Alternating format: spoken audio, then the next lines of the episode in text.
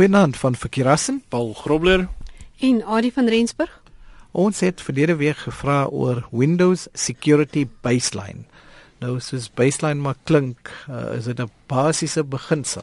Nee. Ja, wel dit kan musiek natuurlik ook wees, maar ja, hier het nou te doen met uh ja, die minimum stappe wat elke gebruiker dan 'n behoort te neem om die inligting op die rekenaar te beskerm. En ehm um, nou ek dink wat ons wat ons moet besef van die begin af is elkeen van ons het ook 'n verantwoordelikheid as 'n gebruiker om uh, om om ons inligting te beskerm deur dit maklik te maak vir 'n kuberkraker of iemand anders om op ons rekenaar in te kom.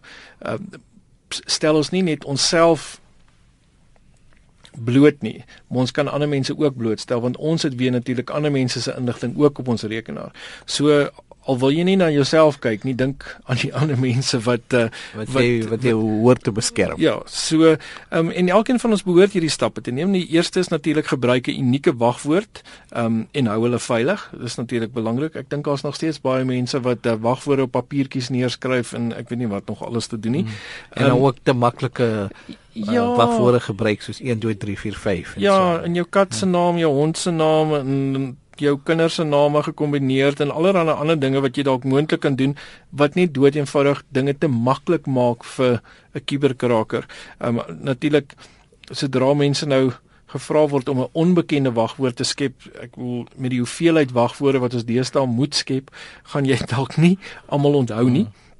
So natuurlik uh, daarvoor kan jy 'n wagwoord bestuursagteware gebruik, ehm um, waar jy dit dan kan stoor. Ehm um, natuurlik die belangrikste onthou net om die wagwoord van die wagwoord bestuurstelsel te onthou anders te gaan jy 'n probleem hê.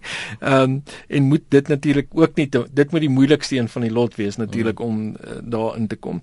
En uh, natuurlik is dit ook belangrik om hierdie wagwoorde ehm um, maar te verander. Ek dink ehm um, iemand het nou die dag genoem 'n goeie um, voorbeeld is om drie verskillende tipe wagwoorde ook te hê. So jy het jou ehm um, wagwoorde vir hoë risiko ehm um, gebruik. So dit sal nou wees soos banke jou so. bankdienste ja. wat ook al die geval mag wees en dan natuurlik aan die laagste kant jou goed wat nou regtig nie saak maak as as iemand nou die wagwoord sou breek, gaan dit nou nie regtig. Daar's nie enigiets daar wat ehm um, van belang is nie. En dan natuurlik jou tussenin. Dis nie dis nie bank belangrik nie, maar dit is ook nie min belangrik nie. So dis hmm. so in so om drie verskillende tipe wagwoorde te hê. Natuurlik ehm um, jou hoë risiko ehm um, is die tipe wat jy dan meer gereeld moet verander ook. Ehm um, net om veilig te bly en seker te maak dinge ehm um, word nie uit jou rekening uitgestuur en weggevat nie.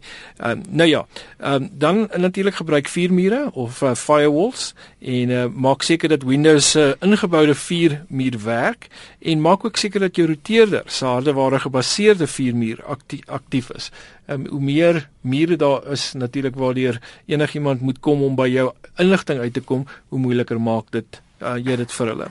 Nou uh, gebruik dan ook anti-boosware en uh, dit is nou byvoorbeeld so, soos Microsoft Security Essentials of die gratis weergawe van Malwarebytes anti-malware. Um, en natuurlik is daar ook baie ander uitstekende anti-malware produkte wat mense in die hande kan kry. En uh, ook belangrik opdateer jou sagte ware tot die nuutste weergawe wat kuberkrakers kan uithou. En onthou natuurlik baie van jou sagte ware wanneer hulle sê daar's 'n nuwe update, die rede hoekom daar 'n nuwe update is, is hulle het agtergekom daar was 'n 'n oop plekkie gewees waar 'n kuberkraker kan inkom en dan nou die inlig die dit kan misbruik um, om uh, toegang te kry na jou na jou rekenaar toe. So dis hoekom dit so belangrik is om gereeld updates te doen. Baie van ons los dit maar of ons het nie nou genoeg data om dit te doen nie of wat ook al die geval mag wees. Besef net as jy dit nie doen nie, um, jy dit is soos om jou deur half oop te laat staan. Jy dit beteken nie daar gaan niks gebeur nie, maar daar kan iets gebeur. So uh, wees maar versigtig daarvoor en uh, probeer natuurlik jou sagte ware so gereeld as moontlik opdateer as daar nuwe weergawe is. Dan um, wat baie mense nie besef nie is dat dit beter is om 'n beperkte regte rekening te gebruik. Nou, wanneer jy die eerste keer jou rekenaar natuurlik opstel, ehm um, vra hy vir jou vir 'n administrator username en paswoord. En gewoonlik is dit die gebruiker wat die meeste mense maar van daai punt af gebruik.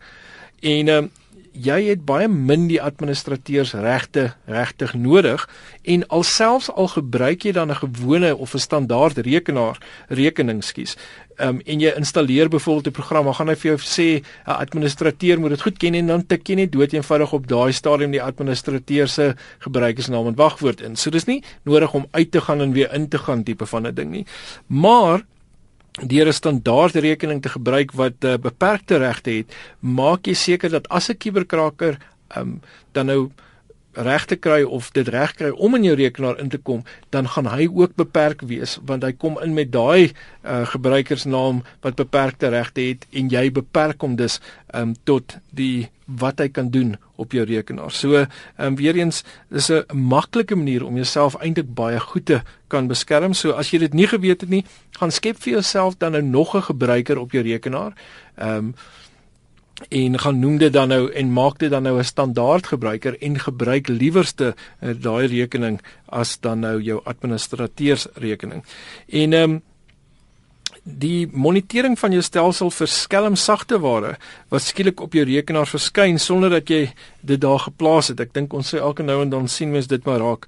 Ehm um, kan jy sagte ware gebruik so Spiceworks en Event Sentry um, om jou uh, te waarsku wanneer nuwe sagte ware op 'n masjien geïnstalleer is en dit help jou ook om met ongewenste nutsbalke wat deesdae verskriklik frustrerend is um, en, moeilik is om van ontslae te raak.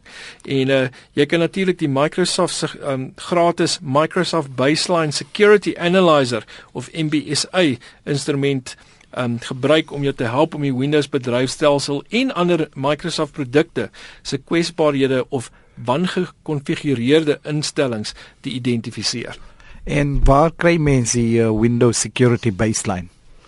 Wel, hier te lees daaroor kan jy gaan kyk natuurlik by um netsecurity.about.com by die product reviews en jy kan dit ook daar gaan aflaai. Dan jy ook technet.microsoft.com waar oor praat en natuurlik het Wikipedia en.wikipedia.org het natuurlik ook nog inligting daaroor. En natuurlik RSG. rsg.co.za en daar kan jy gaan kyk wat Jala tyd vir die rekenaarrubriek en uh, al hierdie skakels en uh, moeilike name gaan jy daar kan vind sowel as uh, die stappe wat ons gee van hierdie program sowel as vorige programme. Nou ons kry baie van ons luisteraars wat uh, inskryf of e-pos stuur en vra waar hulle kan studeer op die internet. En uh, so ook het Lindy gevra waar sy meer inligting kan kry om haarself meer te leer oor rekenaars en programme soos Microsoft Office. Nou ja, daar's 'n baie groot hoeveelheid inligting um oor wat gratis beskikbaar is op internet. Baie mense gebruik natuurlik YouTube, né? Omdat dit alles omdat dit vir jou die goeders wys. Visueel, ja. Ja, en dit is vinniger om dit te verstaan as wat jy dit sien as wat jy dit net moet lees. Ehm um, nou basiese inligting oor 'n rekenaar is daar byvoorbeeld ehm um, by YouTube is daar een wat ek dis omtrent so 41 minute lank hierdie eerste een wat ek noem. So dis baie uh, dit gaan maar oor jou basiese goed begin by die desktop en so aan.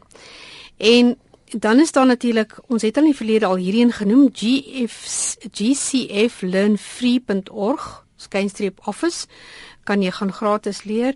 Dan het itworld.com met een wat gaan oor 'n baie groot lys wat jy kan kry en dan die van die webskakels van wat daar genoem word kan jy kry by blogs.msdn.com skynstreep p skynstreep small biz skynstreep archive en dan noem hulle dit aan die einde free Microsoft Office training resources and more how to get them. So ehm um, die daai webwerf gaan ek baie. Dan is daar een wat ek baie gebruik omdat dit ek beveel dit altyd aan vir my studente. Omdat daar ehm um, baie maklike, baie maklik verduidelikbare veral vir ouens wat programmering studeer. Ek laat hulle altyd gaan na www.homeandlearn.co.uk. En nou eh, 'n uh, wenk, uh, Janie vra 'n manier om 'n lys datums te genereer in Word. En dit is seker maklik. Dis bietjie moeiliker in Word. Jy kan dit in Excel gaan doen want Excel het daai autofill wat jy net so aftrek en dan genereer hy vir die lys datums en dan kan jy dit eenvoudig gaan plak binne in Word. Goed, gaan kyk weer by ons webwerf vir al hierdie webwerwe wat genoem is. Ja, gaan kyk by uh, rsg.co.za onder Chalatech by die rekenaarrubriek waar jy al hierdie skakels en nog meer sal kry en natuurlik kan jy ook vir ons 'n e-pos stuur na rekenaar by rsg.co.za. Net tyd vir 'n vraag, wat is die verskil tussen jailbreaking, routing en unlocking? Dit klink verskriklik. Wat is die verskil tussen jailbreaking, routing en unlocking? Ons breek volgende week weer uit. Tot dan sal ons probeer borg kry. Wat van verkeerassen? Paul Grobler En Adie van Rensburg? Goeienaand.